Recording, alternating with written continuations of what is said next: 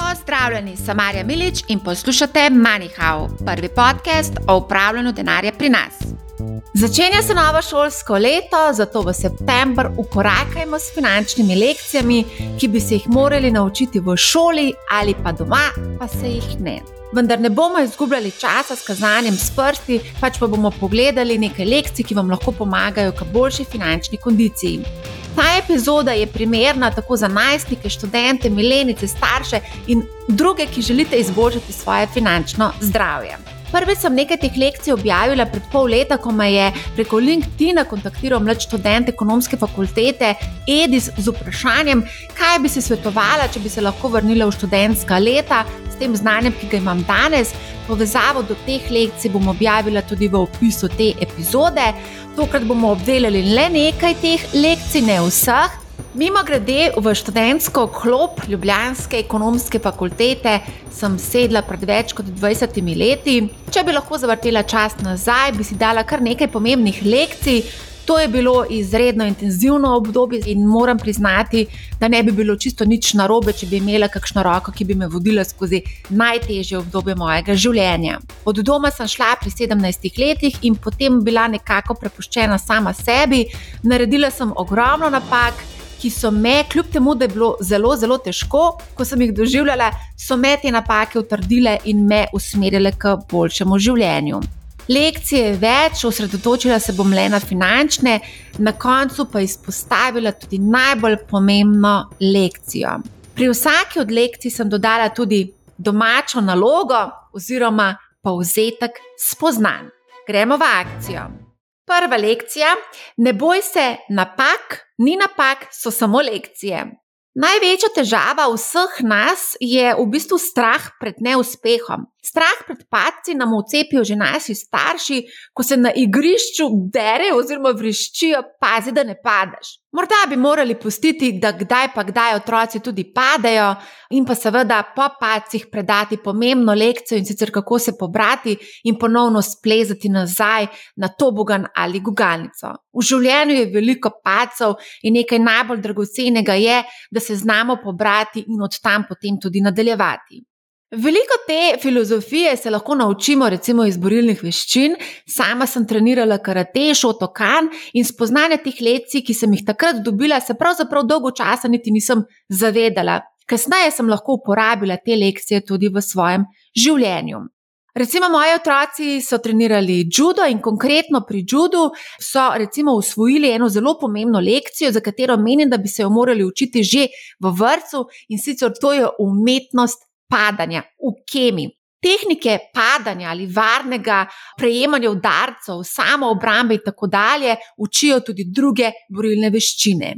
To znanje lahko koristi predvsem kot zaščita pred poškodbami, ne samo fizičnimi, pač pa tudi psihičnimi, ki lahko z nami ostanejo bistveno dlje kot praske zvini in zlomi. Veliko pacov in bolečin pa doživimo seveda tudi v svetu financ, in marsikdo je to že okusil, marsikoga pa čaka še ta izkušnja v prihodnosti. Večina je zaradi strahu pred neznanim v krču in se oklepa tistega, kar jim je poznano, držijo se nekih receptov, nekih pravil, ki so jih nekako dobili od svojih staršev, starši naši so jih dobili od svojih staršev in tako dalje.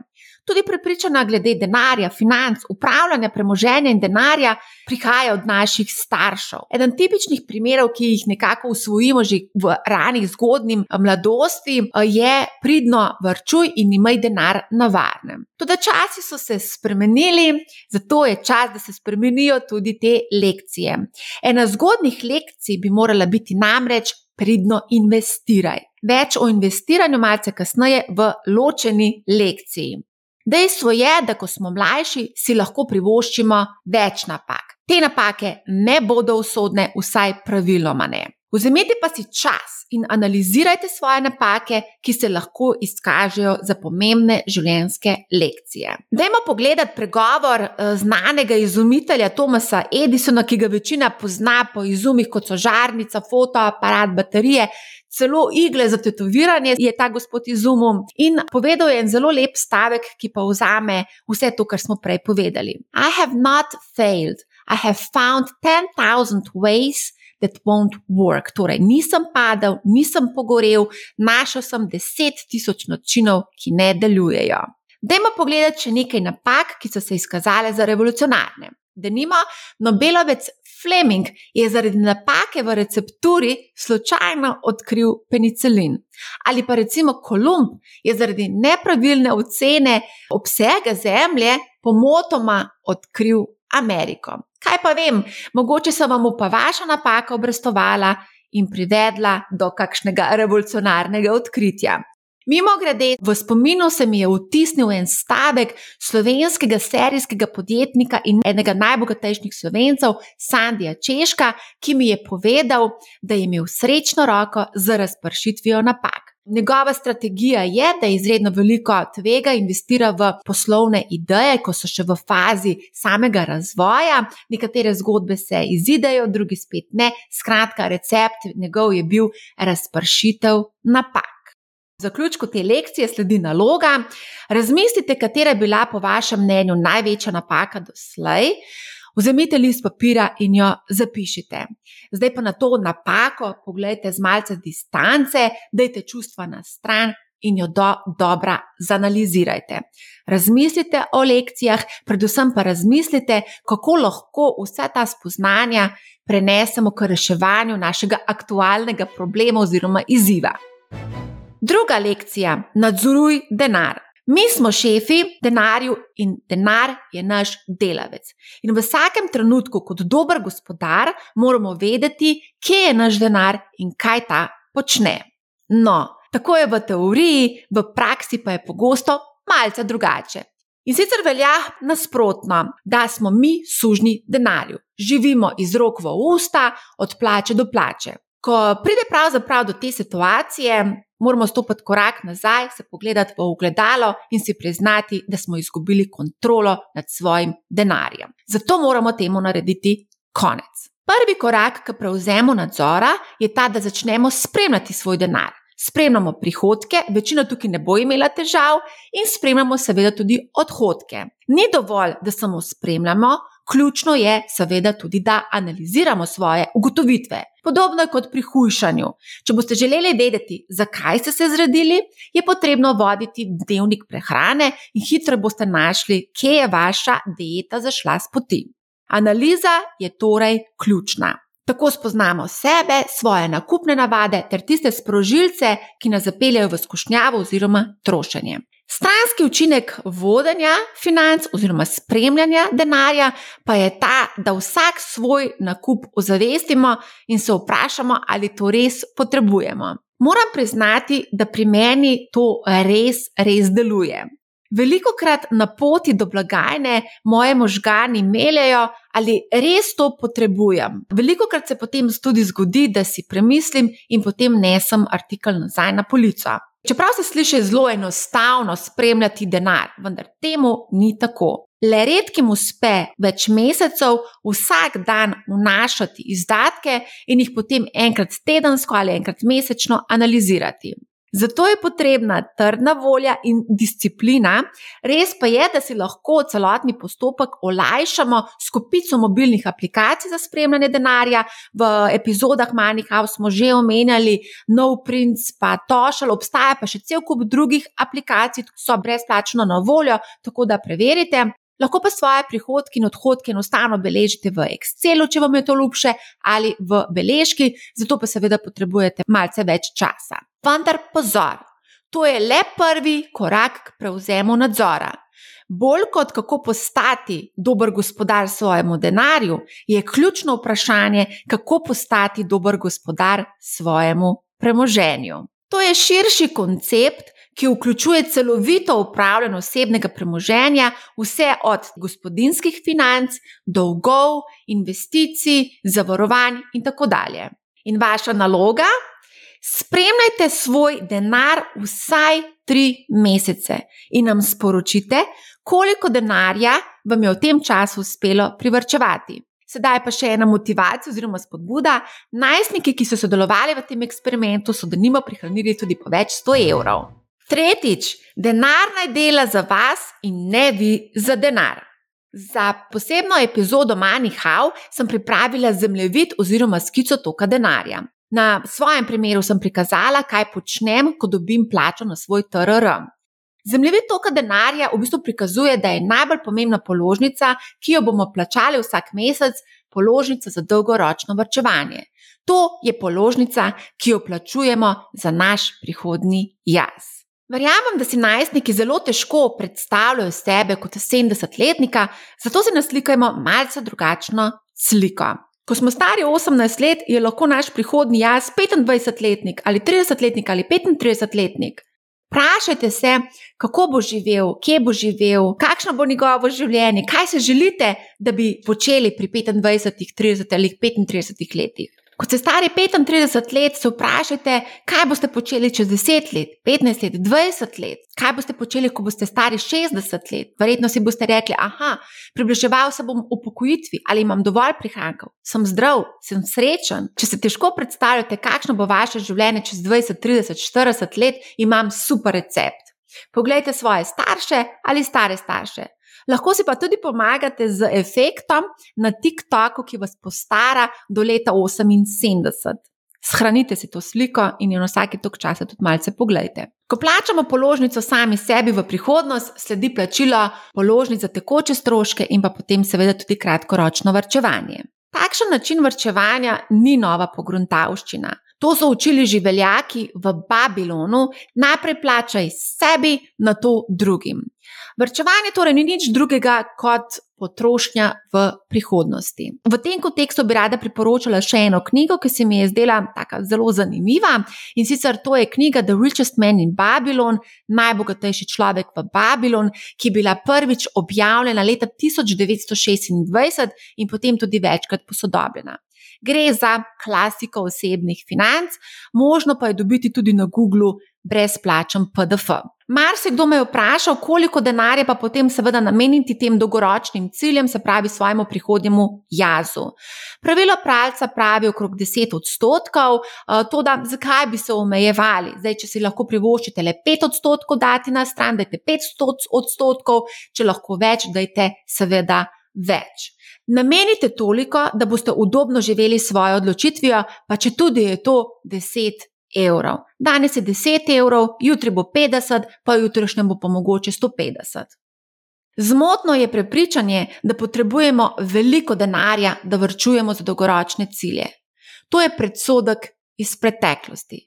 Danes imajo mladi v resnici bistveno boljše pogoje ekonomičnega vrčevanja, že ob izjemno nizkih zneskih, Sklade, da nimo lahko kupimo že z 20 evri, tudi delček delnice oziroma frakcijo delnice lahko kupimo že z nekaj evri. Borno posredniške provizije v nekaterih primerjih, predvsem ko govorimo o delnicah v ZDA, ni več ali pa znaša nekaj evrov. Vsak evro, ki ga boste preko donosno, donosnostnega stroja kapitalskih trgov poslali bodočemu jazu čez 20 let, bo praviloma opazno pridobil na kupni moči, pa če tudi obstaja tveganje, da bo na srednji rok povišena inflacija. Poglejmo en praktičen primer.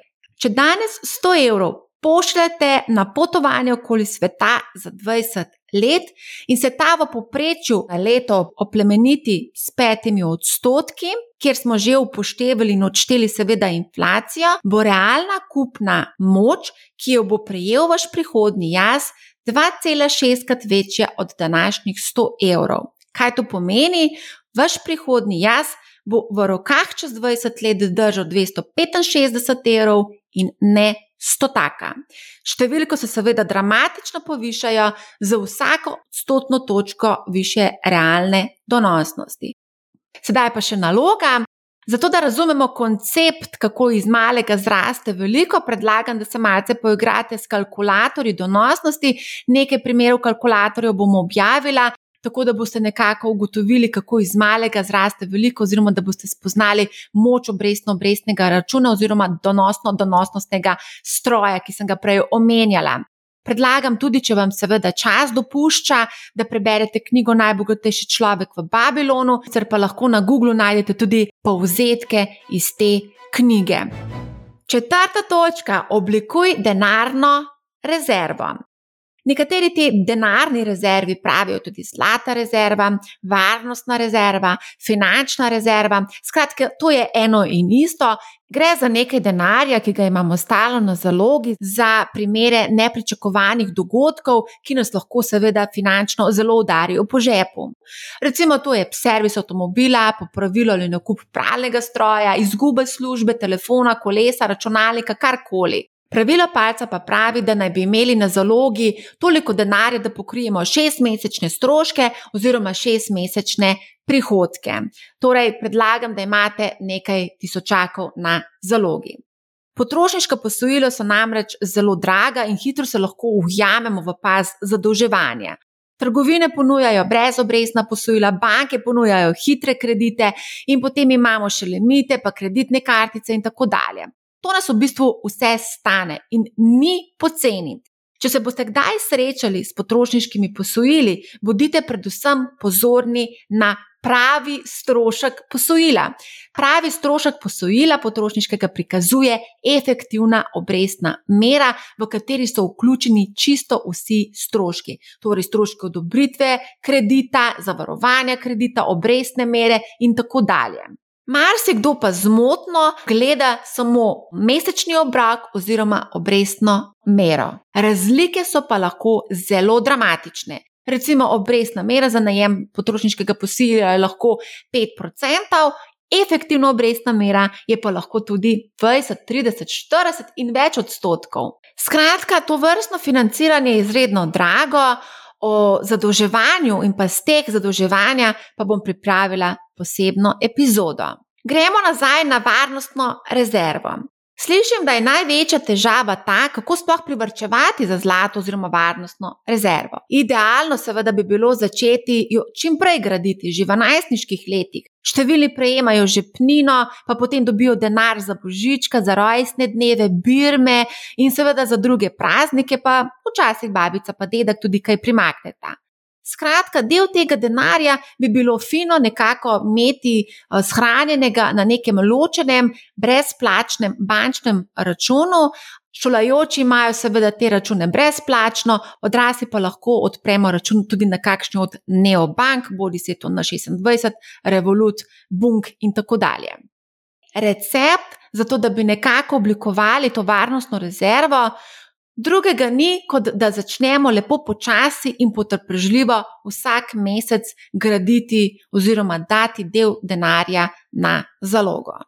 Nauk te lekcije je, čeprav je denarna rezerva nekaj, kar se lažje vzpostavi, verjetno s prvo službo, pa velja tu enako pravilo kot pri investiranju. In sicer, da je bolje začeti graditi varnostno rezervo čim prej. Peta točka investiraj. Omenili smo že, da je najbolj pomembna položnica tista, ki je namenjena dolgoročnemu vrčevanju. Tudi to ne pomeni, da vrčujemo na banki, se denar na banki zaradi inflacije realno izgublja na vrednosti. Pač pa investiranje na kapitalske trge, torej borzo. Čeprav je kapitalski trg v Sloveniji relativno mlad, star je komaj dobrih 30 let, pa to ne more biti večni izgovor, da se izogibamo tej tematiki.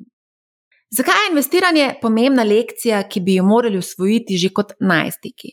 Ker se nam to znanje dobesedno obrestuje, oziroma se donose nalagajo, oziroma lepijo na predhodne donose. Dajmo si malce poenostaviti stvari. Zamislite si hrib ali goro. Lahko je Šmarna gora, lahko je Triglav, Golica, Stov, Viševnik, kateri koli hrib ali gora. Ob rojstvu smo na vrhu hriba, z vsakim letom pa se lepo počasi spuščamo po hribu navzdol. Tisti, ki bo začel valiti kepo na vrhu klanca oziroma hriba, bo imel bistveno večjo kepo kot tisti, ki jo bo začel valiti nekje na sredini klanca. Na njegovo kepo se bo namreč prijelo več snega oziroma donosov. Temu valjenju kepe po klancu navzdol rečemo obrestno-obrestni račun oziroma donosno-donosnostni račun ali po angliško compounding. Einstein je pa enostavno temu rekel osmo čudo sveta. Pot po hribu navzdol ni vedno lepa. So kucli, so lukne, so razne ovire na poti in včasih nas lahko celo iztiri, a če imamo cilj, torej da pridemo z veliko kepo do vznožja hriba, potem nas tudi kucli ne smejo ustaviti. Kako torej vlagati? Preden uložite en sam cent, se morate zavedati tvegan, torej vseh kuclov in pa luken na hribu. Bolj ko se želimo hitro spustiti po klancu oziroma hribu na vstol, torej investirati v delnice, večje tveganje moramo sprejeti in se zavedati, da nam kucli in pa luknje v tem primeru lahko bolj poškodujejo našo kepo. Tisti, ki ne želijo preveč tvegati in imajo raje razpršeno košarico, pa bodo po hribu navzdol kotalili več kep oziroma investirali v vzajemne sklade ali sklade, ki kotirajo na borzi, torej ETF-e. Prvi so dražji, pri drugih pa je vseeno potrebno nekoliko več znanja, oziroma bolje rečeno, je z njimi mogoče na začetku malce več korakov. O obeh pa smo govorili tudi že v Manihau. Sčasoma, ko razumemo, kako se kotaljenje kepe obnaša, lahko z rastjo veščin investiranja se preizkusimo v bolj aktivnem investiranju v posamične delnice na dolgi rok in sprejemamo s tem tudi nekoliko višja tveganja. Če nam tudi to ne deši in bi raje bolj počasi valili kepo po klancu, da nam ta ne uide ali da ne bi bila preveč poškodovana, imamo seveda možnost vlaganja v mešane ali obvezniške sklade, bodi si v ETF-e, vzajemne sklade ali pokojninske sklade. Če želimo bolj akcijsko investiranje s ščepcem divjega zahoda, pa je zato pravi naslov kriptotrg. Lekcije se tam pospešeno usvajajo, paci znajo biti zelo, zelo boleči, zato je tu potrebna čelada, sicer nas lahko zelo boli glava, saj nam kepa lahko uide ali se nam popolnoma uniči. Dejstvo pa je, da ko smo mladi, lahko tvegamo več. Zato tvegajte več, investirajte večji del v sklade, ki sledijo širokemu delniškemu trgu. Lahko se seveda z omejenim zneskom igrate tudi na kriptotrgu, da boste hitreje spoznali, kako deluje pohlep in strah na finančnih trgih, saj so tam nihanja bolj podarjena, ampak ne bodite preveč pohlepni in ko se vam bo nasmehnila sreča, poberite vsaj del dobička z mize in ga reinvestirate v manj tvegan del portfelja ali ga dodelite polnjen v denarne rezerve. Bolj, ko se približujemo vrednostnemu cilju, ki smo si ga zastavili, bodi si je to nakup stanovanja, vrčevanje za pokojnino ali pa nek do, drugi dolgoročni cilj, pa zmanjšujemo potem seveda tveganja. Torej, preoblikujemo premoženje oziroma portfelje v prid manj nihajnih naložb Dejstvo je, da je investiranje pravzaprav nadzor tveganj in predvsem skozi cikl vrčevanja na dolgi rok ga je seveda tudi potrebno upravljati. To da pozor, investiranje ni tek na kratke proge, pač pa gre za maraton. To pomeni, da vlagamo za obdobje daljše od sedmih let idealno pa seveda čim daljše obdobje, 20-30 let. Slišali smo celo od Egona Zakrajška v podkastu, ko smo se z njim pogovarjali, nam je rekel, da obstajajo seveda v Ameriki vlagatelji, ki vlagajo 50-60 let. Zavedajte se, da se v tem času dogajajo korekcije oziroma popravki cen na vzdolj. Vrednost vašega portfelja pa se lahko skrči tudi za tretjino ali celo polovico. Za vse, ki niso pripravljeni sprejeti tega dejstva, obstaja en tak zelo lep pregovor: If you can't stand the heat, get out of the kitchen. Ob večjih nihanjih mnoge namreč zagrabi panika. To pa je, vkolikor smo se zadali cilj, da lahko denar pogrešamo deset let in več, ena največjih napak vlagateljev. Veliko vlagateljev je denimo panično razprodajalo svoje premoženje ob veliki finančni krizi leta 2008 in pa seveda tudi ob zdrsu tečaja po izbruhu koronavirusa marca 2020. Spomnimo pa se tudi na pregovor borznega mačka Warrena Buffeta, ki pravi, če vam upad vrednost delnic za 50 odstotkov povzroči akutno stisko, potem delnic ne bi smeli imeti. Za konec pa še vaša naloga za vse najstnike, mlade in druge, ki ste še vedno v dvomih, lahko malce prej potrenirate z virtualnimi evri na kakšni od brezplačni virtualni borzi v Google utipkajte Virtual Stock exchange. Tudi nekateri brokerji ponujajo demo račune, ki so brezplačni in tudi tam lahko malce potrenirate. Ko se boste igrali z virtualnimi evri, kupite kakšen ETF, kakšno delnico, pa morda tudi kakšno kriptovaluto, če seveda ta menjalnica to omogoča. Spremljate svoje občutke, ko se tečaji in vrednost portfelja spreminjajo oziroma nihajo.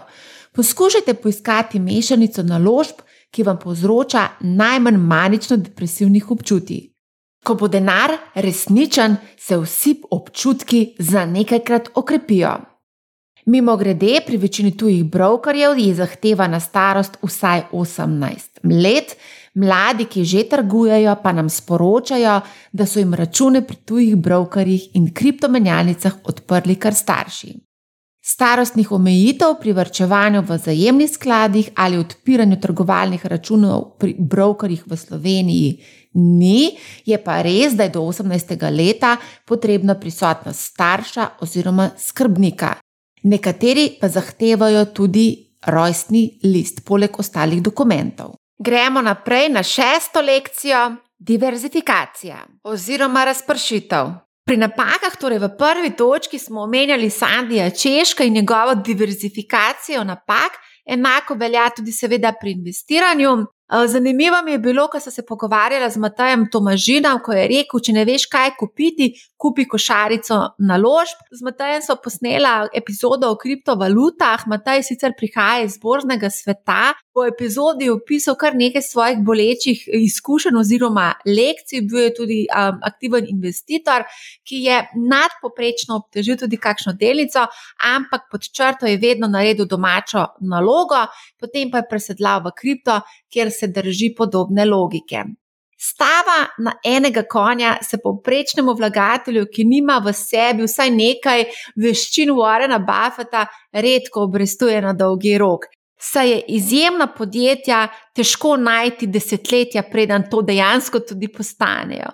Težava ni, da je to nemogoče, ampak zahteva številne faktorje in stalno ukvarjanje z naložbami, pa še to ni garancija za uspeh. Pogosto pa se valov za samo rogi spuščajo posamezniki, ki nimajo nobenih predhodnih izkušenj in so od nekega znanca ali kolega ali soseda slišali, da je neka delnica A ali B enkratna oziroma najboljša priložnost ta hip.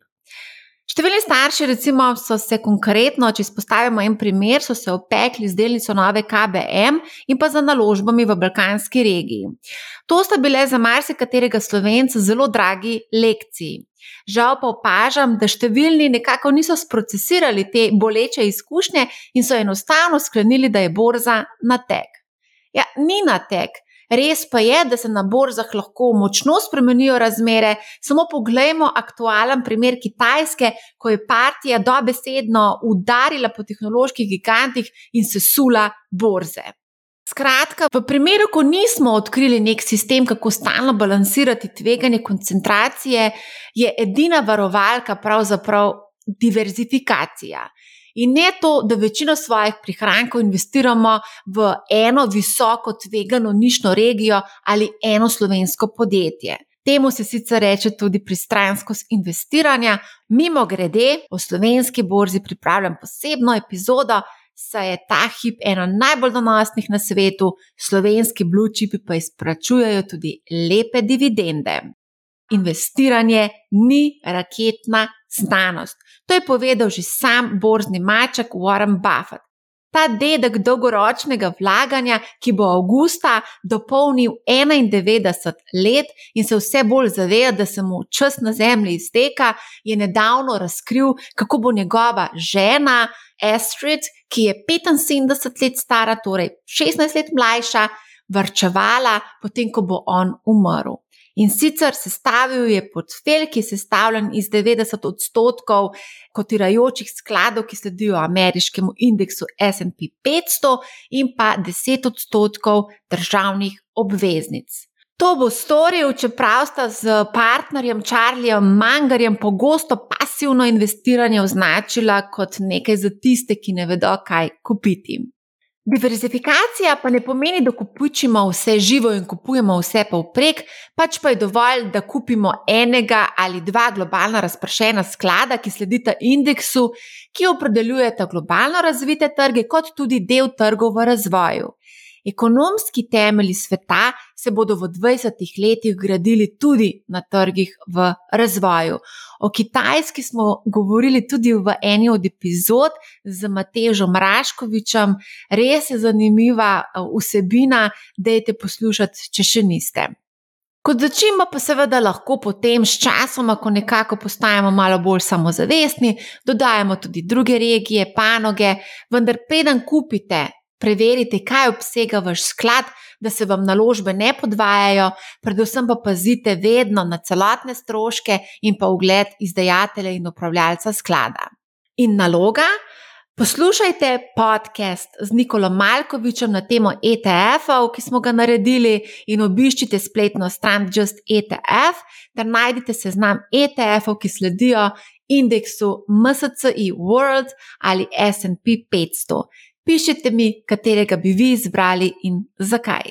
Za tiste, ki portfelj že imate oblikovan, pa morda naredite analizo svojega portfelja. Žal je večina ponudnikov, ki ponuja analize portfeljev plačljivih, lahko pa naredite analizo portfelja znotraj lastne trgovalne platforme, izvozite v Excel, mogoče tisti, ki imate Interactive Brokers, lahko preverite tudi spletno stran pasiv.com, bom objavila tudi opisu epizode. Aplikacija je namenjena izvrševanju celovite strategije investiranja in integracije več trgovalnih računov. Ponudba je seveda omejena, lahko pa recimo povežete Interactive Brokers in pa Kraken. Našla sem tudi eno orodje, ki je morda zanimivo za raziskati, Portfolio Performance, sama ga še nisem testirala, gre pa za odprto kodno orodje. Zagotovo obstaja obstajajo še drugi api, če mogoče kakšnega poznate, bom zelo vesela vaših odzivov. Mogoče še mimo grede, tako za malce za hec, se lahko poigrate tudi s preteklimi donosnostmi vašega portfelja preko brezplačne aplikacije oziroma spletne strani backtest.curvo.eu. Povezavo bom objavila v opisu tega podcasta. Vendar imejte v mislih, da pretekle donosnosti niso garancija za prihodnje. Sedma točka, zavarujte se. Vsi stalno razmišljamo o plemenitonu premoženja in kar pozabimo na zaščito premoženja in pa seveda dohodka, pa tudi življenja. Glede na to, da vstopamo v novo šolsko leto, bodo tudi zavarovalnice, tako kot vsako leto, tudi letos ponudile paketna nezgodna zavarovanja za naše malčke, učence, dijake, študente in seveda tudi druge, To je pravzaprav edino zavarovanje, ki ga mladi človek dejansko tudi potrebuje, poleg seveda zdravstvenega, eh, ki ga potrebujemo potem, ko izstopimo iz šolskega sistema. Ko to kupujete, pa bodite predvsem pozorni na višino kritja za primer 100-odstotne invalidnosti. Če se vam ta scenarij zgodi, bo strošek prilagoditve na novo življenje izredno visok. Ne samo to, tudi zmožnost ustvarjanja prihodkov se vam bo drastično zmanjšala. Vzemite čim višjo zavarovalno vsoto za primer 100-odstotne invalidnosti, najdražji in pogosto tudi najbolj nesmiselen del zavarovanja, še zlasti za dijake, učence, je dnevno in pa bolnišnično nadomestilo. Je pa to vključeno v paketu, tako da se temu pravzaprav niti ne morete izogniti. Pri študentih je ta zgodba mogoče malce drugačna drugačna, sploh pri tistih, ki so odvisni od svojih zaslužkov. Če se recimo poškodujejo, lahko posledično to pomeni tudi izpad dohodka in v tem primeru jim lahko to nadomestilo seveda pride prav. Pri odraslih velja enako in sicer potrebujemo kakovostno zavarovanje za primer 100-odstotne invalidnosti. Tisti, ki imajo seveda hipoteke oziroma ki imajo zdrževane člane, je pomembno tudi zavarovanje za primer smrti oziroma riziko zavarovanje. Za premoženje pa seveda pomembno, da zavarujemo svojo hišo hišo, stanovanje, zlasti če živimo na poplavnem območju oziroma potresnem območju, in pa seveda avtomobil, ki pa je tako ali tako potrebno zavarovati po zakonu. Za konec pa še zadnja lekcija. Vedno imejte v mislih svojega prihodnjega jaza. Konec koncev pa tudi vsa vrčevanja in vse, kar smo danes govorili, je v bistvu namenjeno vašemu prihodnjemu jazu. Največ, kar lahko naredite za njo ali za njo, je, da se stalno učite in nabirate izkušnje. To je pravzaprav vaš največji kapital.